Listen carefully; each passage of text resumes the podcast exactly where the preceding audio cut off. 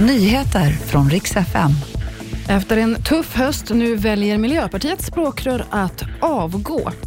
Och så ska det handla om en stor tv-profil som har gått bort den här veckan som vi särskilt ska uppmärksamma. Efter en tuff höst så avgår nu Märta Stenevi som språkrör för Miljöpartiet. 18 januari så meddelade hon för första gången att hon ska sjukskriva sig och återhämta sig och behövde en paus efter en tuff höst. Nu har hon fått tid att fundera lite och bestämt sig för att istället helt avgå.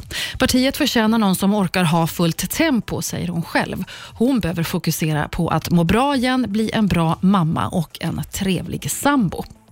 Ett stort pådrag med polisambulans pågår på Södermalm i Stockholm. Det här är en äldre kvinna som har blivit påkörd av en lastbil och hon har blivit allvarligt skadad uppger polisen. Kvinnan har förts till sjukhus med ambulans. TV-profilen Kristina Ribbon, mer känd som Farmen-Kristina, har dött. 68 år gammal blev hon. Hon blev rikskändis 2001 när hon medverkade första gången i Farmen. Därefter har hon dykt upp i en rad dokusåpor och tävlingsprogram, framförallt under början av 2000-talet. Hon gick bort i Karlshamn den 7 februari.